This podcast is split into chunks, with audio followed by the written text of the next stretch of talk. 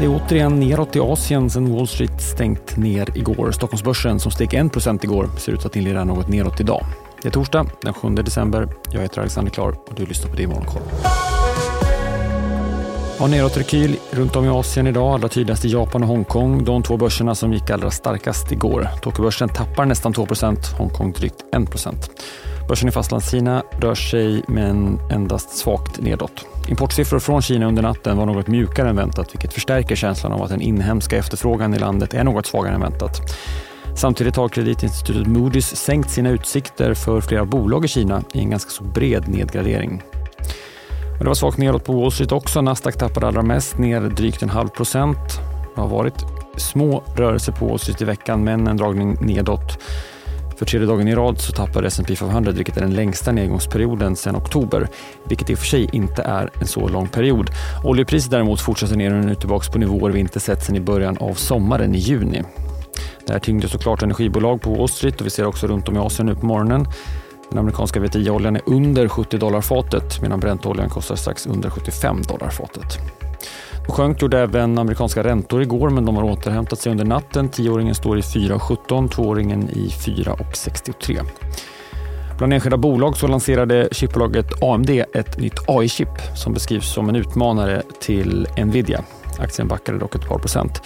På tal om produktnyheter så väntas Apple lansera flera nya produkter under nästa år för att möta den vikande försäljningen för datorer och surfplattor. Det här rapporterar Bloomberg och hänvisar till källor. Bortom börsen så rapporteras det en del i USA om att senaten blockerat ett nytt stort militärt stödpaket. Pengarna skulle gå till både Ukraina men också till Israel och Taiwan. Hej, Ulf Kristersson här. På många sätt är det en mörk tid vi lever i. Men nu tar vi ett stort steg för att göra Sverige till en tryggare och säkrare plats.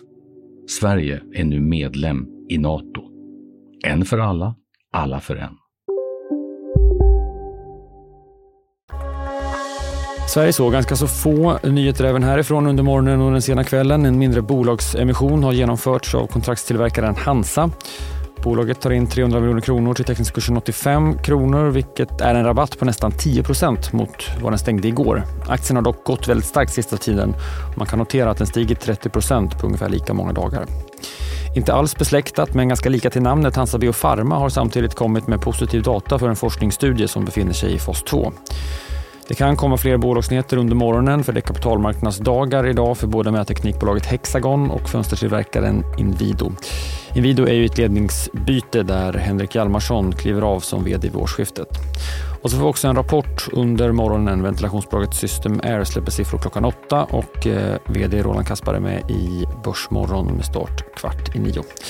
I övrigt är det så ganska tunt på dagens agenda. Det är ju juletider och dan före dan för den som vill för den amerikanska jobbrapporten Non-Form Payrolls imorgon fredag. Förväntan är att sysselsättningen ska studsa upp något efter vi såg en något svagare siffra senast. Antalet sysselsatta ökade med 150 000 då. Förväntan ligger nu för novembersiffran på 180 000.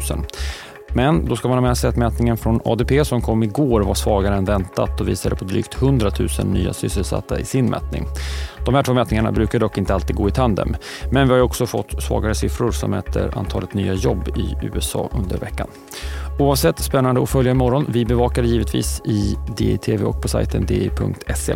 Det är Morgonkoll är tillbaka igen tidigt imorgon bitti. På återhörande. Jag heter Alexander Klar.